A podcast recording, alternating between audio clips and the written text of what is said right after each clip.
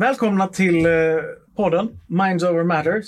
Idag med Joakim Sander, universitetslektor i handelsrätt och författare. Tillsammans har vi även Louise Larsson, forskningskommunikatör här på Ekonomihögskolan. Och jag heter Peter Kjellqvist, också kommunikatör här på Ekonomihögskolan. Börja med att berätta lite grann om dig och eh, hur du kom in i juridiken, Joakim.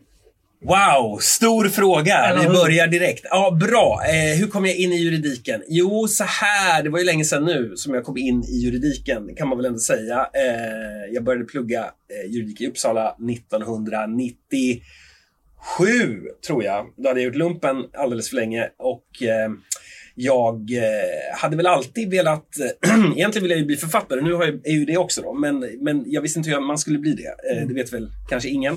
Men jag var också väldigt intresserad av samhället, eh, tror jag. Eh, och jag hade bott utomlands en del under min uppväxt. Min pappa jobbade för FN i perioder och vi bodde i Mellanöstern, i Damaskus när jag var 15 och det var en sån stor upplevelse att göra det. Mm. Växte upp i den lilla staden Söderköping och sen flytta till den här jättestora staden Damaskus. Det var ju, och gick på en amerikansk skola och det var jätte... Hur länge var du där? Ett år i eh, Syrien och mm. Eh, sen var vi, eh, då, min familj var ett, ett, nästan ett halvår till i Israel men då fick jag åka hem och börja gymnasiet. Men ända sedan den tiden så ville jag väl, jag ville bli författare men jag ville också göra någonting med världen och mm. samhället på något sätt. Jag var intresserad av det. Och då tänkte jag att juridik, ja då behöver jag inte bestämma mig riktigt för vad jag ska göra än. Som jurist kan man bli lite vad som helst. Sen jag tror att jag drömde nog mycket om utrikesdepartementet, diplomatvärlden, någonting sånt. Eh, och sen så, ja, och så kom jag in på juristutbildningen i Uppsala och pluggade juridik och upptäckte att det var svintråkigt. Verkligen. Så här, höll på Dö. Jag var helt, du tog sån sats att jag trodde att du säga halleluja, det var fantastiskt. Så jag är en storyteller, det var en så kallad mm. vändning ja, ja. Som, vi, som vi jobbar. Men ja, nej, det var inte alls, eller det var fantastiskt på många sätt. Jag älskade att plugga på universitetet och jag älskade att vara i Uppsala och universitetslivet. Jag tyckte det var jättehärligt. Men eh, själva juridiken var vansinnigt tråkigt, tyckte mm. jag. Men jag har en stark pliktkänsla så jag betade av det där ändå. Och sen så min, de första tre åren, första sex terminerna är ganska bundna, så är det nog här också på juristlinjen, eh, att du har vissa kurser du måste läsa. Det är bara så. Och sen efter de första tre åren kan du välja lite mer fritt. Du kan åka på utbyten etc. etc. Och då åkte jag på utbyte till Maastricht. I, först var jag i Berlin en höst och pluggade tyska och gjorde det man gör i Berlin. Eh, och sen blev jag antagen i Maastricht och åkte dit och då där var de, hade de då börjat specialisera sig väldigt mycket på EU-rätt. Nu är de ju väldigt framstående i EU-rätt och de började väl bli det redan då. Och jag blev helt...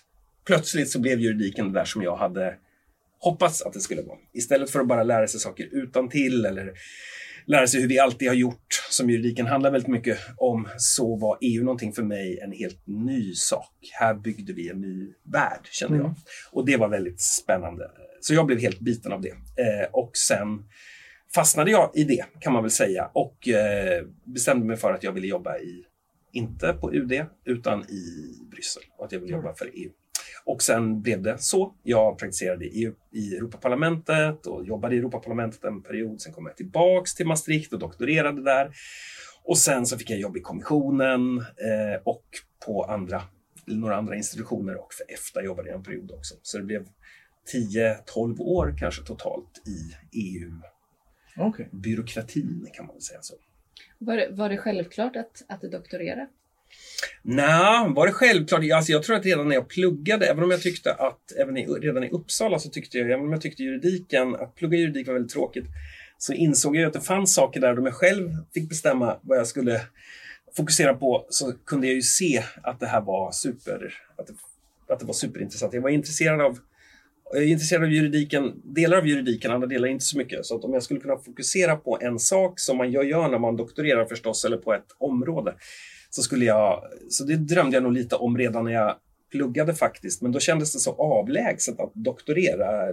Doktoranderna som jag träffade på var ju mina lärare. Det, var, det kändes, och för att bli doktorand kändes som att man var tvungen att vara ofattbart duktig eh, på juridik och ofattbart intresserad av, av juridik. Och jag trodde nog inte att, kanske att jag var det. Eh, men, men tanken på det var ju, men jag trodde nog inte att jag skulle Vad blev du inriktad på? Eh, jag inriktar mig på EU-rätt helt och hållet kan man säga. EU-rätt och internationell handelsrätt. Och särskilt så har jag ju, det håller jag ju fortfarande på med, det jag doktorerade, när jag väl doktorerade så doktorerade jag på det som kallas försiktighetsprincipen som ju ursprungligen är en miljörättslig princip kan man väl säga, men jag är mer intresserad av hur det är kopplat till risk generellt och hur det är kopplat till handel och till fri rörlighetsfrågor. Hur vi hanterar osäkerhet, eh, osäkra risker. Hur gör vi med saker som vi inte vet om de är farliga eller inte? Där vi kanske tror att de är farliga, men vi vet inte. Eh, det intresserade mig för när jag doktorerade och jag tyckte det var jätteintressant och det är jag fortfarande forskningsmässigt väldigt intresserad av. Och ju större osäkerhet, desto mer intressant tycker jag. Ju större osäkerhet och desto mer olika och ju mer polariserande en fråga är, desto mm. mer intressant blir det, tycker jag. Trillar det in i uh, säkerhetspolitiska frågor? Trillar det in i AI nu? Trillar det in i, i miljöfrågor också? För din del? Absolut. Alltså jag tror så här att vi tänker alltid på de här sakerna som så separerade. Så att vi har den här risken här och där och då är det som att vi aldrig har tänkt på risk överhuvudtaget. Men jag är ju intresserad av risk helt oavsett var, vad risken består i. Och där har vi eh, ju kanske sedan säg 60-talet så har vi en helt ganska sammanhållen forskning om just risk och det är en väldigt tvärvetenskaplig forskning. Det är jurister, ekonomer, eh, naturvetare, matematiker eh, som har tittat väldigt mycket på hur ska vi, hur ska vi angripa osäkerhet eller hur ska vi agera under stor osäkerhet. Och det blir ju som AI ett utmärkt exempel. Där har vi då, vi ser ju de uppenbara fördelarna med AI och vi ser omedelbart en stor, eh, vi känner en stor oro eh, kan man väl säga. Eh, och risk handlar ju väldigt mycket om, om oro eller den oron den framkallar. Och ska vi då agera på den oron eller ska vi inte agera på den oron eller vad man ska säga. Så AI är absolut säkerhetspolis, Jag är inte så intresserad eh, jag kan inte så mycket om säkerhetspolitik som sådant, men absolut nu, det, är en, det blir en fråga där också. Miljö i allra högsta grad, se på klimat. Klimatfrågan naturligtvis, det är ju en, nu, även om vi nu då eh, är ganska eniga äntligen om att klimat, klimatet påverkas av mänsklig aktivitet och så vidare. Det tog ju lång tid innan vi hamnade här, men vi är fortfarande inte säkra på hur mm. det, den exakt, de exakta kopplingarna där. Eh, och jag börjar bli mer, bli mer och mer i min egen forskning, mina egna forskningsintressen, mer intresserad av risk och rättvisa eller risk och equity. Hur fördelar vi risken på ett rättvist sätt och hur, hur angriper vi risker på ett rättvist sätt? Och det tror jag inte vi har tänkt så jättemycket på än. Och jag, blev jag var ju borta från det här under ganska många år. När jag jobbade i EU så höll jag inte på direkt med riskfrågor utan mycket med frihandelsfrågor, men inte och en del förstås med försiktighetsprincipen och risk också. Men från ett mer byråkratiskt håll. Så att säga. Sen skrev jag en bok som blev en stor framgång och sen så levde jag som författare på heltid under en 6-7 år, någonting sånt, tills jag kom tillbaks nu för ett år sedan till universitetet. Men egentligen så var det, var det coronakrisen som drog tillbaks mig in i det här risktänket. För där om ni minns de första veckorna eller månaderna under corona. Vi visste att det var det här viruset som kom från Kina, men det var egentligen allt vi visste om det. Vi visste inte hur farligt det var, vi visste inte hur det smittade, vi visste framförallt inte hur vi skulle skydda oss mot det. Mm. Och då var det som att vi, som, det blev en stor diskussion runt det här, minns ju alla, väldigt polariserat hit och dit. Och det var ofta, tyckte jag, i debatten som om som om vi aldrig hade tänkt på osäkerhet eller aldrig tänkt på osäkra risker innan. Men jag kände då att men det här har ju jag tänkt på. Jag la ju sex år av mitt liv på att bara tänka på det här. Så då blev jag lockad av att dela med mig av mina kunskaper om det här. Så då började jag skriva, dels för Expressen Kultur skrev jag ganska många artiklar, skrev en stor artikel för Svenska Dagbladet om just försiktighetsprincipen och hur, den skulle, hur man skulle kunna applicera den. Och detta var innan du kom tillbaka till universitetet? Det här var innan, innan jag kom tillbaka. Det var när okay. jag skrev min, eh, min senaste bok då, eh, så blev jag, in, så blev jag indragen i det här, så jag började skriva väldigt mycket då för mm. Olika tidningar och eh, ja, blev inbjuden till olika sammanhang och prata om, om det här. Eh, och det var efter det, det, var efter det och sen så coronan kom, min bok kom ut och sen när jag var klar med den så kände jag men jag vill ju hålla på mer med det här. Jag, jag har alltid varit så lockad av att komma tillbaks på ett annat sätt till universitetet mm. och då kontaktade jag Handelsrätten här och de var glada att ha mig tillbaka så det var ju väldigt eh, snällt av dem. Ja, ja. Vad är det som lockar mest med att vara tillbaka i universitetet? Alltså, jag tror att i en tid, den tiden vi lever i nu, eh, som är, och kanske extra mycket i Sverige, faktiskt väldigt polariserat. Vi har väldigt mycket åsikter om saker och ting. Vi är överens om väldigt få saker. Det är väldigt högt tonläge. Här tror jag att universitetet är viktigare än, än någonsin eh, som en funktion i att ha den, den civiliserade, konstruktiva dis diskussionen och debatten. att, eh, jag tycker extremt mycket om det med universitetet. Att det handlar om att, det handlar inte om att hitta, det viktiga är inte att hitta rätt lösning utan det viktiga är att försöka hitta samtalet som kan leda till rätt lösning och hitta metoderna för att prata och undersöka saker. Och där tror jag att, eller där tycker jag att universitetet är just nu så otroligt eh, viktigt. Och jag tror att det är viktigt för universitetet att, universiteten, ska jag säga, inte bara vårt universitet utan alla universitet, att komma ut som en o, kanske mer en opolitisk röst. Eh, där det, och förklara eller berätta hur vi som håller på med akademi ser på världen som att det inte handlar om alltid om att ha rätt eller fel, utan att det handlar om att försöka förstå eh, varför saker är som de är eller hur vi ska göra saker på ett bättre sätt. Att börja ifrån vetenskapen istället för att börja från åsikten, eh, kanske.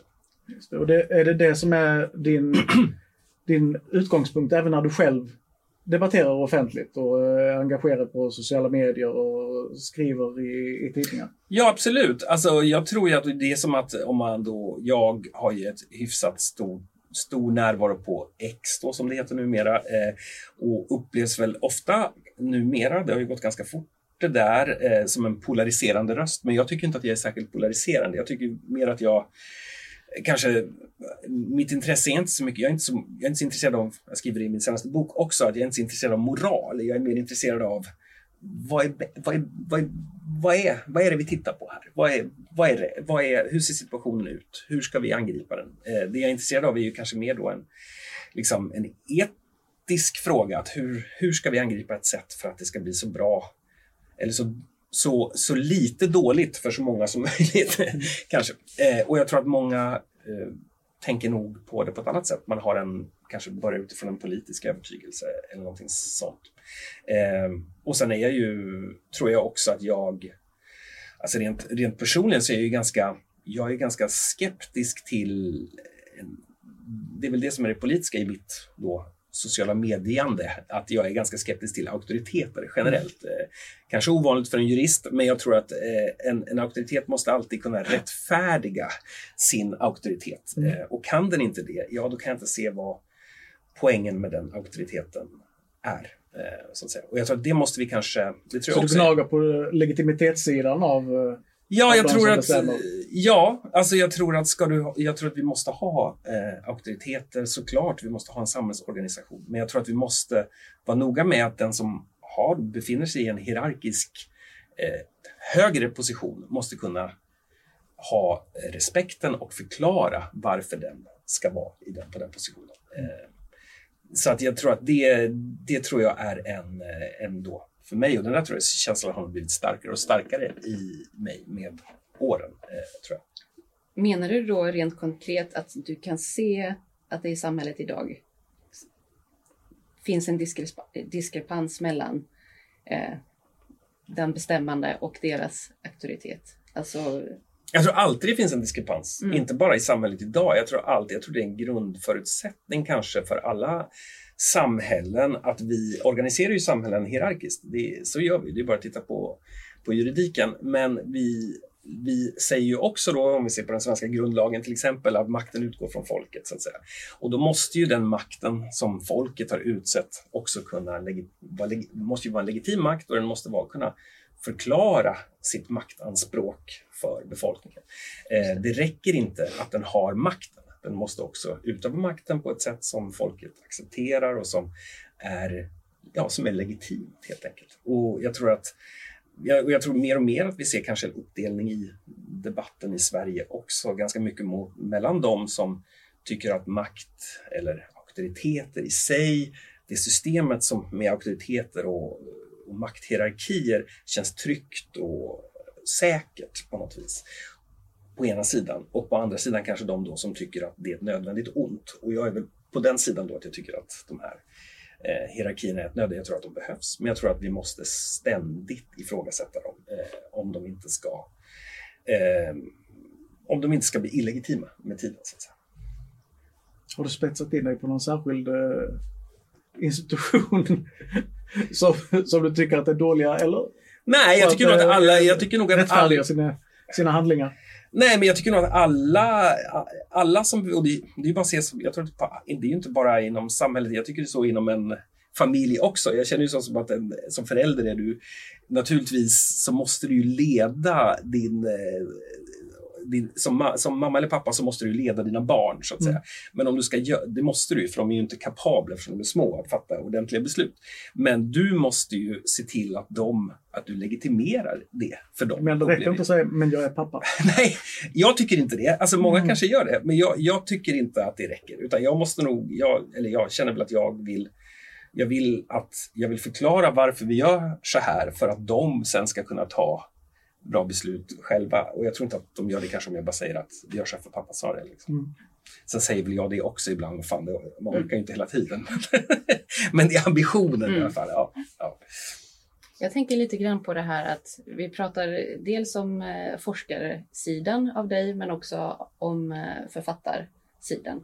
Eh, och du kommer från juridiken och det finns liksom givetvis eh, tydliga inslag av det i ditt författarskap. Du har skrivit om en juridikstudent, du har skrivit om en jurist och så vidare. Och så alla deras äventyr så att säga. Och som jag har förstått det innan så är ju du, du har ju drömt om att bli författare, kanske hela ditt liv eh, eller liknande. Eh, men var, du jobbade inom EU när du började skriva skönlitterärt och sen kunde du försörja dig som författare. Hur, hur tog du det här steget från kanske liksom den extrema byråkratin till att nej men, nu är det dags. Nu ska, nu ska, nu ska jag vara kreativ. Ja, precis. Eh, ja, det är ju en, det är en bra fråga. Hur fattar man den där typen av beslut och hur gör man den där, särskilt om man ska skriva en roman då som är en, alltid en extrem investering och särskilt första gången man gör det så är det ju en extrem investering i din egen tid och din egen tankekraft, det, det, är ju, det är nästan outhärdligt. Och hade man vetat hur svårt det är, eller hade jag vetat hur svårt det var, jag hade väl fortfarande gjort det, men det hade ju, det hade ju varit svårare att starta om man hade förstått. Men jag, för mig var det ju så att jag hade skrivit jag brukar alltid säga så här, mellan jag var 15 och 22 eh, så skrev jag varje dag. Det var liksom varje kväll så satt jag hemma och skrev i min, i min anteckningsböcker som jag hade, som jag fortfarande har kvar, som jag hittade för inte så länge sedan. Och de är ju fruktansvärt, det är hemskt. Allt är ju fruktansvärt dåligt. Alltså det är så, jag tycker det är så jobbigt att ens tänka på det. Men det gjorde jag. Och då fick jag väl ur mig allt det här, så jag vande mig vid språket på något mm. sätt. Och så har jag alltid läst väldigt mycket och drömt väldigt mycket. Eh, och drömt om att vara författare. Men sen så, när jag började plugga juridik, så blev det så mycket annat eh, med både med juridiken men också det sociala livet och allting annat. Jag, så jag skrev inte, jag skrev fortfarande men inte på det sättet. Och sen doktorerade jag och, sen, ehm, och det var ju jättesvårt också. Det är ju sjukt svårt att doktorera. Det är liksom, folk pratar inte nog om hur svårt det är att doktorera tror jag. Det, är, det är fan inte lätt alltså. Eh, och, det tog, det, och jag började jobba samtidigt i kommissionen och det var jättejobbigt på alla sätt. Men sen blev det klart till sist och sen så blev det en framgång. Jag vann ett pris för min avhandling och den blev utgiven på Cambridge University Press, vilket var en sån, för mig en sån jag hade aldrig trott det. Liksom. Så jag kände mig alltid som en ganska så här lat och slarvig eh, doktorand när jag såg på alla mina andra strukturerade kollegor. Så. Men sen så gick det så bra för den avhandlingen så det blev ju väldigt, väldigt kul. Eh, och jag blev väldigt stolt. Eh, och då kände jag att men eh, Ja, och sen så fick jag ett jobb och satt där under lysrörsljusen i mitt, byråkrat, mitt byråkratbås i, i Bryssel och hade intressanta arbetsuppgifter, absolut, men kände och tjänade ganska mycket pengar, vilket man gör då när man jobbar där. Men jag kände också så här, men det var inte det här. Var det det här som mm. alltihop syftade till? Ska jag göra det här nu då i 40 år till? Eh, sitta i de här och med de här Oh, med den här franska chefen som är skitjobbig och, liksom så här ska, och sitta och bitcha med mina kollegor i kantinen om att de har höjt priserna på lunchen med 50 cent. Jag vet inte, pallar jag det? Liksom så. Men det var ju skriva jag ville, tänkte jag då. Och så, så tänkte jag, okej, okay, jag försöker. Och så, men jag visste inte hur man skriver en roman. Jag hade bara skrivit korta saker. Jag försökt många gånger, aldrig blivit något. Så köpte jag Stephen Kings den On Writing som alla aspirerande författare gör, tror jag. Den är väldigt bra. Du har läst den också? Ja. Minst två gånger, jag vet inte. Man, man lär sig någonting varje gång. Den är ju väldigt bra. Alltså. Den, är ja. väldigt, den är väldigt empatisk, mm. den boken, tycker jag. Och, och, men mest tog jag med mig, jag tog med mig två saker från den boken. Det ena var att om du är författare och du får ett litet rum till sist där du kan sitta och skriva, ställ aldrig skrivbordet mitt i rummet. För så viktig är du inte. Och det tyckte jag var väldigt eh, mm. fint. så För att det är en sån egogrej att vara författare, men så viktig är du inte. Liksom. Och sen sa han också, skriver han också att man ska sätta ett konkret mål för hur mycket man ska skriva. Sätta en word limit. Liksom. Och det passar mig. Som en daglig liksom? Ja, en daglig så här, så att du sätter, och han sa att det kan vara vad som helst. Men så, här, så jag satte tusen ord och så, så, så, så äh, sa jag att jag ska skriva tusen ord varje dag. Eh, come rain or shine. Och så började jag skriva, jag hade en idé om en historia egentligen och så började jag skriva den och så tänkte jag, kan jag skriva tio sidor? Eh, ja, det tog ju tio dagar då, tusen ord liksom. Så här, ja, det kunde jag. Kan jag skriva 20? Kan jag skriva 50? Och så, så växte det så. Men då var jag väldigt hård då. Jag är, jag är ju ganska så disciplinerad själv så att jag var att om jag inte skrev de där tusen orden, ja då fick jag gå upp tidigare på morgonen och så fick jag skriva ikapp. Mm. Och, så.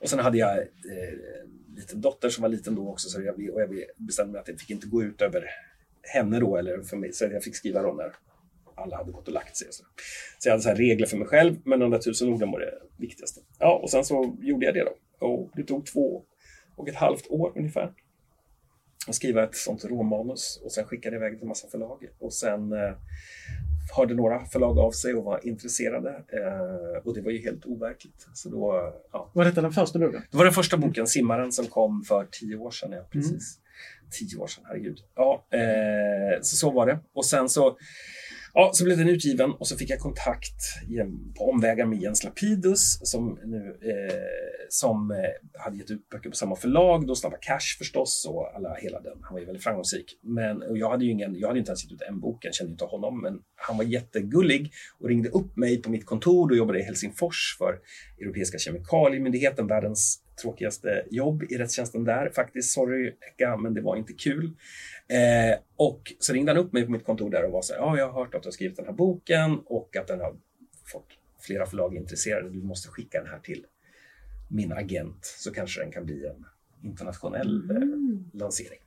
Och det var ju otroligt snällt och generöst av honom. Eh, så då kontaktade jag hans agent och så fick jag kontakt med min nuvarande eller dåvarande agent, som man ska säga då, mm. eh, Astrid Allander, som sedan tog den här boken och sålde den till hela världen på eh, bokmässan i Frankfurt för var det nio år sedan kanske. Eh, och så sålde vi den till över 30 länder, ja, sålde filmrättigheterna och ja, det blev jättecrazy. Så över, på två veckor så gick jag från att vara så här jätteglad över att bli publicerad i mm. Sverige, det var ju en fantastisk sak, till att det blev en sån global liksom, wow. sensation. Mm. Ja, det var jättecrazy. Och då, då blev det ekonomiskt möjligt också eh, för mig att hoppa av EU-byråkratin. Mm. Och jag tänkte så här, det var inte så att jag var set for life, men jag, tänkte, jag har alltid tänkt på så, tänker ofta på saker i femårsperspektiv. Liksom. Och då tänkte jag att nu har jag fem år här eh, som jag kan finansiera eh, själv. Och då var tanken direkt att okej, okay, jag ska skriva en bok till? Ja, ja. Det är mm. alltid, tanken är alltid att skriva en bok till. Ja, precis. Det, så är det ju. Eh, så då, så Men blir det en konstig press när du har haft liksom en, en stor framgång med det första du, du kläcker ur dig? Åh, oh, jag måste överträffa detta.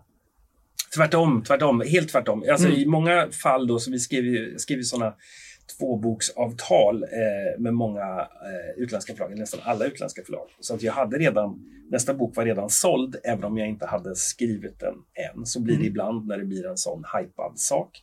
Ja, så då, och många säger att ja, det blir som press då att skriva den där andra boken. Men för jag kände precis tvärtom. Då visste jag ju att det här skulle ju bli utgivet i mm. hela världen. Så det spelar ingen roll, blir det dåligt, eller det blir dåligt, men det blir ändå utgivet. Och det kände jag var en sån eh, stor... Eh, tvärtom, jag kände en stor mm. lättnad av det. För jag tror, om man skriver sin debutroman särskilt, eller om man skriver en roman när man inte har ett kontrakt. Jag känner sån stress av det, för att nu lägger jag all den här tiden, tänk om det inte blir bra, då blir det ingenting mm. alls om de redan har köpt boken och betalat mig i förskott för det här, ja då kommer de ju vara intresserade av att det blir bra, så då kommer de åtminstone hjälpa mig med att få den bra, tänker jag. Plus att man kanske rimligtvis har också en deadline att jobba mot. Precis, då har man en deadline, då har man allt det där, då har man hela den där eh, strukturen runt det som gör, som gör eh, man tror att skapande, eh, eller så kanske för vissa, men jag tror att för de allra flesta så är skapande är fritt till en viss, viss gräns. Sen tror jag att skapande inom ramar är ganska viktigt. Liksom, också. Ja, hur bygger du dina böcker? Bygger du liksom handling för sig, karaktärer för sig? Hur, hur bygger du en, en, en berättelse? Jag bygger ofta på, jag har ofta en tematik tror jag är mm. nog det viktigaste för mig. Att jag har ett tema som jag vill utforska, någonting som jag har tänkt på som jag inte riktigt kan släppa taget om. Och sen så letar jag efter en story länge, länge. Eh, eller karaktärer, det kan börja var som helst. Det kan börja med en karaktär eller kan börja med en... Den senaste boken, Ett ärligt liv, började med den här personen eh, som kom till en universitetsstad eh, och blev, hade förväntningar på vad det skulle bli och så blev det inte vad det blev, mm. utan blir indragen i någonting helt annat. Så det visste jag ju att den där, och, så hade jag en tanke om den här. Jag har alltid, jag har alltid dragits till så här subkulturer och saker som puttrar under ytan som man inte vet så mycket om. Så hade jag i den här boken, och I ett ärligt liv, så är det det här gänget med som lever ett liksom, laglöst liv i en gammal villa i professorsstaden med en gammal professor där de lever helt vid sidan om allting under ytan. Och det där har ju alltid lockat mig jättemycket. Och jag tänkte, vad händer om den här rekordeliga Joakim Sander-figuren mm. träffar det här laglösa gänget? Vad, vad, händer, vad händer då? Eh, och så där började väl den eh, boken. Är figuren lite grann tagen på, på din person? Ja, han, eh, personen har ju inget namn i boken mm. heller och kommer från Söderköping som jag kommer ifrån och pluggar juridik och så. så att det, det vissa likheter. Vissa, vissa likheter jag, jag, tänker lite grann på det här att eh, det juridiska språket är ju välkänt och ökänt för att vara liksom väldigt korrekt och, och så av naturliga skäl. Har, har ditt juridiska språk förändrats av att du började ge ut skönlitterära böcker? Mm, det är ju en jättebra fråga. Jag tror att jag, tänker, jag börjar tänka väldigt, nu, eftersom jag hade ett break från juridiskt språk här då på rätt många år där jag bara hade skönlitterärt språk. Eh, så har jag tänkt väldigt mycket nu när jag kommer tillbaka och läser väldigt mycket igen då, eh, juridisk litteratur etc. Så, så eh, slås jag ju av hur onödigt svårt vi gör det för oss. Eh, det, och det är ju en stil, det är ju en slags eh, kultur, en juridisk kultur kan man väl säga, att skriva på det sättet, uttrycka sig på det sättet.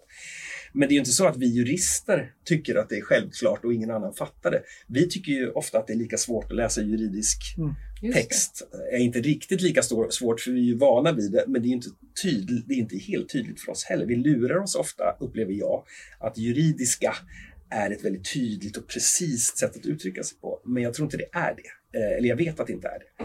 Eh, så jag, det är, ju en så här väldigt grandios ambition, men jag skulle vilja försöka skriva juridiska texter på ett mer tillgängligt sätt. Eh, jag vet inte om det är möjligt, men jag, jag skulle vilja jag vet inte om man blir publicerad ens om man mm. gör det. Men eh, jag tror att det vore, jag tror det är viktigt och jag tror att när vi ser, man pratar, jurister pratar, eller akademiska jurister pratar väldigt mycket om juridifieringen av samhället. Att, att juridiken blir en så stor del av våra liv och hur vi, hur vi ja, våra system generellt. Liksom så. Eh, och när då vi upplever, samtidigt upplever vi att juridiken är ganska avlägset, eh, alltså språkligt, ganska avlägset från hur vi, hur vanliga människor som inte är jurister beter sig eller pratar eller uttrycker sig. Och då tror jag att det är också en demokratisk fråga att försöka få ihop de där eh, aningen. Och jag tror att svensk juridik, och där tror jag i och för sig vi ser en, en rörelse kanske, att eh, vi ser på domar till exempel, om man läser nu domar från, särskilt från Högsta domstolen, de senaste åren har ju blivit mycket mer lättill, lättillgängliga, kortare, mer koncisa. Eh, det är några, har ju varit några här senaste året som har varit väldigt eh, omtalade domar. Om man läser dem, det är bara som den här PFAS-domen som var en stor omtalad innan jul. Här, liksom. mm. Otroligt tydlig och enkel att läsa för vem, för vem som okay. helst egentligen. Eh, så att jag tror att där, där har vi nog sett och där har vi, vad jag förstår det nu, eh, vad jag har hört åtminstone, så har väl Högsta domstolen också den ambitionen att försöka att juridiken är inte ett samhälle för sig utan det är det, är det som är samhället. Mm. Liksom, jag ska kasta oss tillbaka till, till den här senaste boken. jätteroligt. Vi såg i höstas så spelade man in film på den ju. Och, eh, och större delen av handelsrätt har varit med på ett hörn. Även jag var statist på eh, en dag framför AF-borgarna. Hur, hur tog sig vägen från bok till film till här i Lund? Ja, det var ju fantastiskt. Det gick ju väldigt fort. Men Lund är ju en viktig del av den här filmen. Den utspelar sig ju i Lund till stor del, stor del. Det är en liten bit i Köpenhamn eh, och vad heter det, Västlandet kanske det heter också, där ute vid på Nordsjön. En liten del i, i, som, i filmen som inte är med i boken och en, sen slutar eh, boken i Stockholm kan man väl säga. Men det är bara de sista kapitlen egentligen. Så att jag ska säga 80% av boken utspelar sig och filmen också utspelar sig i, i Lund. Eh, ja, hur kom man dit? Ja, det är ju väldigt svårt. Jag har ju, min första bok Simmaren har ju varit under utveckling i tio år. Jag har mm. haft en, sålde den till amerikanskt bolag först och ja, det har varit fram och tillbaka och den är fortfarande under utveckling. Fort, fortfarande kanske blir något. Men Ett ärligt liv då, det gick från, på ett år gick vi från att eh, produktionsbolaget köpte en så kallad option, det vill säga de säger att de vill göra film av det till att vi gick in i produktion. Så det var en extremt snabb eh, process. Och det är, det är ju mycket, till viss del är det tillfälligheter, till viss del är det ju berättelsen förstås som då lämpar sig, eh, tror jag, för filmatisering. Och att jag fick kontakt med eller Anna Anthony på FLX som är det produktionsbolaget som har eh, eh, förverkligat den här, eh, den här boken då, till film. Eh, att hon var så taggad på den här berättelsen. Hon ville göra den här vi hade flera produktionsbolag intresserade, men hon var absolut den som jag var säker på skulle göra Hon är en liten legendar i filmbranschen, har gjort många stora svenska filmer, men hon fastnade för den här och sa att vi vill göra den här för det här är Lund och vi har inte sett den här typen av berättelse om Lund, eller vi har inte sett Lund på film på mm. det sättet. Och sen så fick hon då med Mikael Marsiman på den svenska stjärnregissören får man väl säga. Han läste den också och blev väldigt ta, eh, väldigt, kände samma sak. Och då var det de två och då så tog de kontakt med Netflix eh, och sa vi vill göra den här för direkt för Netflix. Och då sa Netflix ja. Och jag tror att det var så det är en kombination av boken lämpades för film. Anna eh, läste den och gick igång på den och hon fick med sig då Micke som var en sån, ja, som hade en väldigt, som fick en väldigt tydlig vision av vad han skulle vilja göra med det här. Och när man då hade det där lilla paketet, ja, då var Netflix intresserad. Så, och då gick det väldigt fort allting. Så att nu är den ju inspelad. Eh, spelade in i höstas som du mm. sa och nu sitter ju Micke och klipper den eh, och klippare och så. Så att nu den ska vara klar, eh, färdigklippt eh, om, ja, inte, ja, här under våren. Liksom. Så att, eh, när den visas, det vet vi inte än dock. Det är ju till Netflix och de är hemliga in i det sista, så det får ah, vi väl se. Ja. Mm. Det får vi se, det vet vi inte än. Men eh, den kommer nog, jag gissar, under året. Men det, jag, det är min gissning, jag har ingen ingen eh, info. Det får vi. Ja, precis. Ja, det är jättespännande. Har du nästa bokprojekt redan igång? Ja, såklart. Ja. Alltid, jag har alltid nästa bokprojekt redan igång. Ja, precis. vad, vad blir det? Eller vill du säga det? Nej, det vill jag inte säga. Det är hemligt. Det är, en, det är en, igen en helt ny sak. Eh, ett nytt projekt, jätteroligt projekt. Helt eh, kontrakt är skrivet och den kommer ut nästa år eh, på våren. Men eh, jag vill inte säga förrän jag vet exakt, mm. eh, vad, exakt hur den ska bli. Skriver du något eh, på ju, juridiska? Ja, jag skrev min första artikel på jättelänge här i somras eh, som jag skickade in här innan, innan jul. Så Eh, så får vi se. Hoppas han blir antagen. Det vet man ju aldrig. Det är ju nästa, det är ju nästa steg då. Just det. Ja, ja, ja. ja, vad händer i, i, din, i din forskning nu under uh, den här tiden? Ja, höst, vår? Framförallt har det ju varit väldigt mycket undervisning eh, mm. för mig. Så jag har undervisat EU-rätt väldigt mycket. Eh, sen har jag, och sen skriver jag ju det är inte forskning, men sen skriver jag ju kolumner i Sydsvenskan en gång i månaden ungefär också. Så, så det, och sen så, men sen har jag ju också dragit min, forskningsmässigt har jag dragit mig tillbaka in i min risk och osäkerhetssfär. Så jag var med på en konferens här i, eller en, ja, en konferens är det väl här i, ehm, i juni i Lund med eh, Society for Risk Analysis som är en stor internationell eh, riskforskningsinstitut, ja, paraplyorganisation kan man säga. Och då, frågade, och då presenterade jag ett par saker där och då frågade de om jag ville skriva eh, en av de presentationerna som en artikel och då gjorde jag det. Och då, nu har jag tittat mycket på hur, som jag sa innan, så är jag intresserad av osäkerhet, risk, mm. hur hanterar vi saker som vi är oroliga för, men vi vet inte om de är farliga eller inte. Eh, och där, nu har jag skrivit en artikel då om hur EU-domstolen har angripit den här typen av eh, frågor. Och det är väldigt mycket, handlar ju väldigt mycket då om kemikalier till exempel, men också AI som du, som du varit inne på, inte varit i EU-domstolen än, men inte utesluter att det hamnar där så småningom. Eh, men alla typer av miljö och hälsorisker och hur man angriper det. Och jag har ju då, jag tycker att man är väldigt eh, okunnig, mm. eh, både domstolar och beslutsfattare, om hur man rent eh, systematiskt ska angripa den typen av risker. Det finns Blir vi ju... tagna på sängen utav nästa risk? Om man säger ja, vi blir alltid... i Ukraina, pandemin och så vidare. Blir det liksom en, en chock för systemet varje gång det händer någonting som, eh, som vi inte är beredda på? Det blir det ju och det är väl naturligt, så är det ju. Vi vet ju aldrig när risker ska inträffa, så det blir alltid en chock för mm. systemet. Mm. Men det handlar ju om att inte bli kidnappad av den chocken, utan mm. att inse att den där chocken mot systemet är helt normal. Att vi, vi kommer alltid utsättas för chocker mot systemet och vi utsätts för de där chockerna precis hela tiden, vare sig vi vet om det eller inte.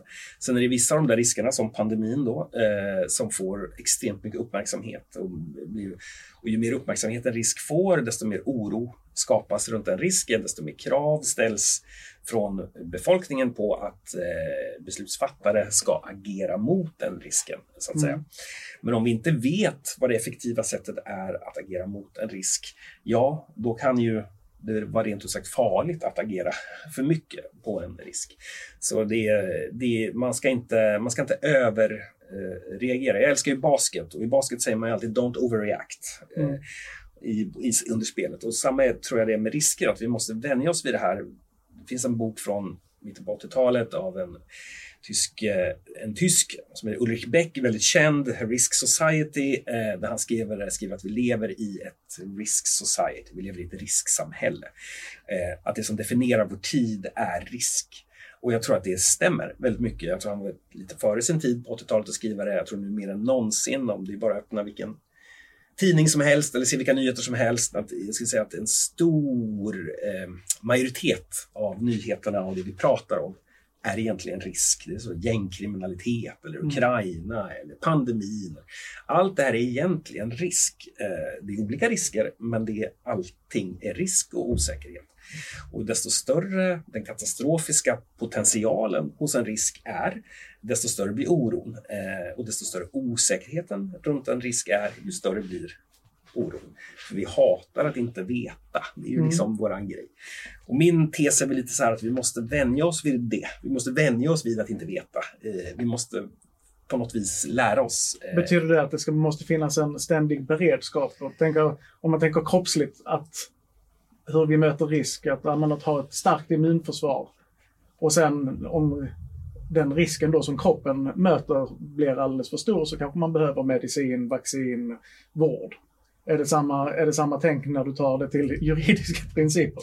jo, men lite flummigt Nej, men jag tycker, jag tycker det är en ganska bra tanke. Liksom. Jag, tror att så här, jag, jag, tror att det är så här att det bästa sättet att hantera de flesta risker är att ha ett, ett, ett stabilt samhälle till att, till att börja med. Mm. Eh, om vi ser på eh, om vi ser på eh, coronan till exempel då, att jag tror det som gjorde att Sverige klarade nu, kan vi se då i, så här, med hindsight att Sverige klarade sig så bra, eh, gör jag för lyssnarna citationstecken för att jag inte mm. blir nedsablad på X för att jag sagt att jag har förringat dödsoffren, för det har jag inte. Jag menar bara att i jämförelse av Sverige klarade sig Sverige ganska bra genom pandemin med tanke på hur spridd mm. eh, coronan var även i Sverige. Då, så att säga. Eh, jag tror att en stor anledning till att vi gjorde det var att samhället var robust till att mm. börja med.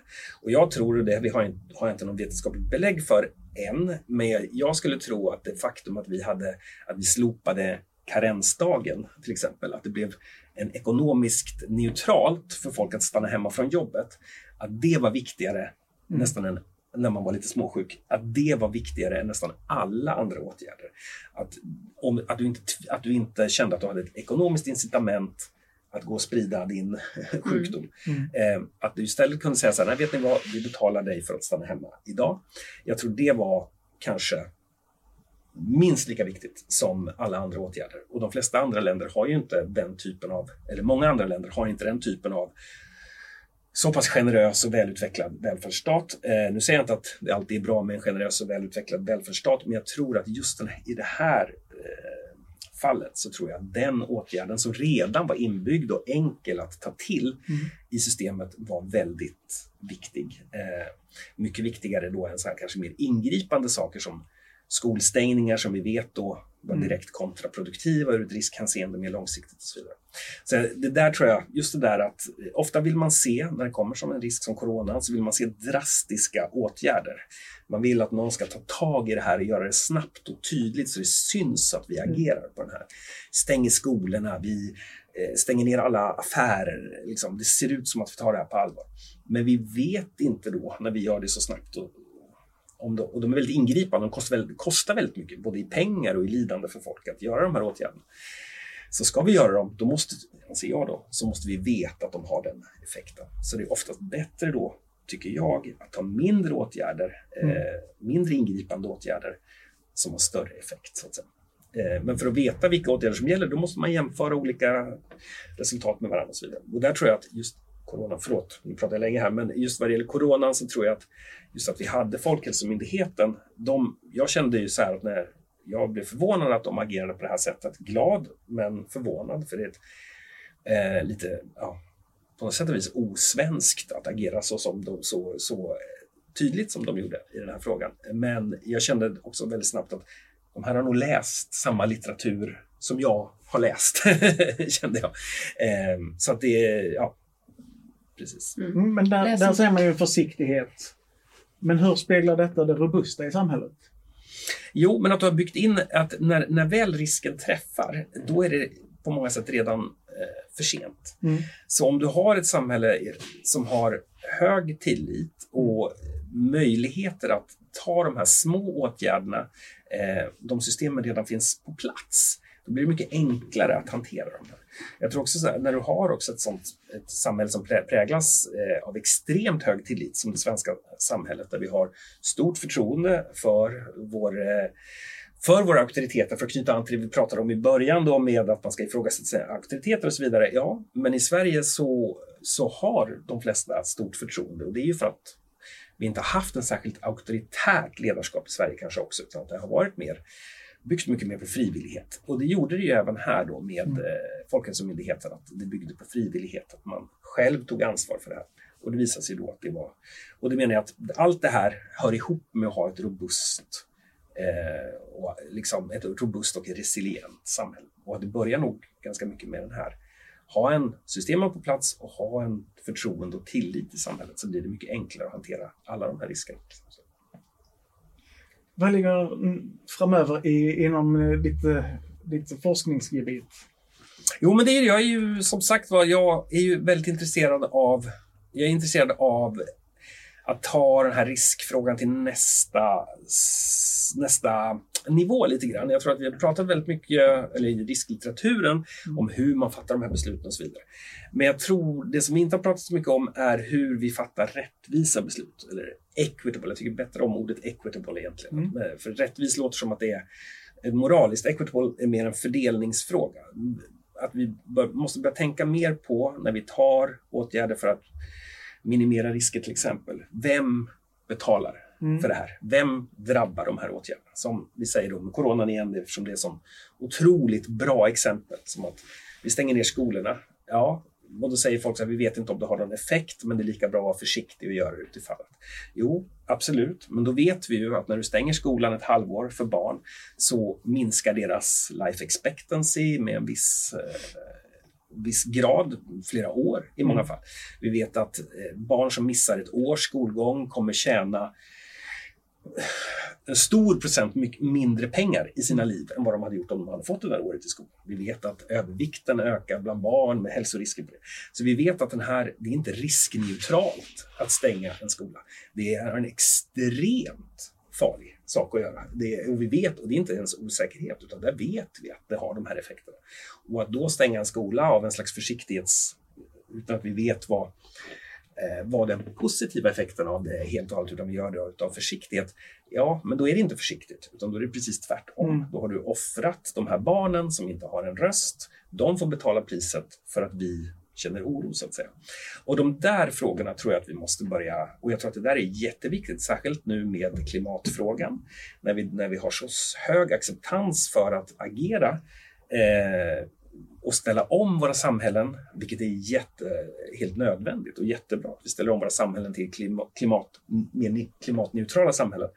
Men när vi gör det så måste vi se till att vi gör det på ett sätt så att vi inte eh, låter, så att vi inte låter vissa betala mycket mer för det än mm. vad de borde. Och att vi inte gör det på ett sätt som gör att vi tar andra risker som är större än de vi mitigerar. Så, att säga.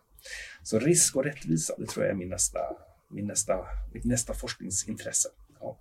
Det ser, vi, det ser vi ju verkligen fram emot att få prata mer om. Ja, det hoppas jag. ja, kul. Tusen tack för att ni kom. Tack så mycket Joakim. Tack så mycket Louise. Tack Peter. Tack så mycket. tack för att du fick komma.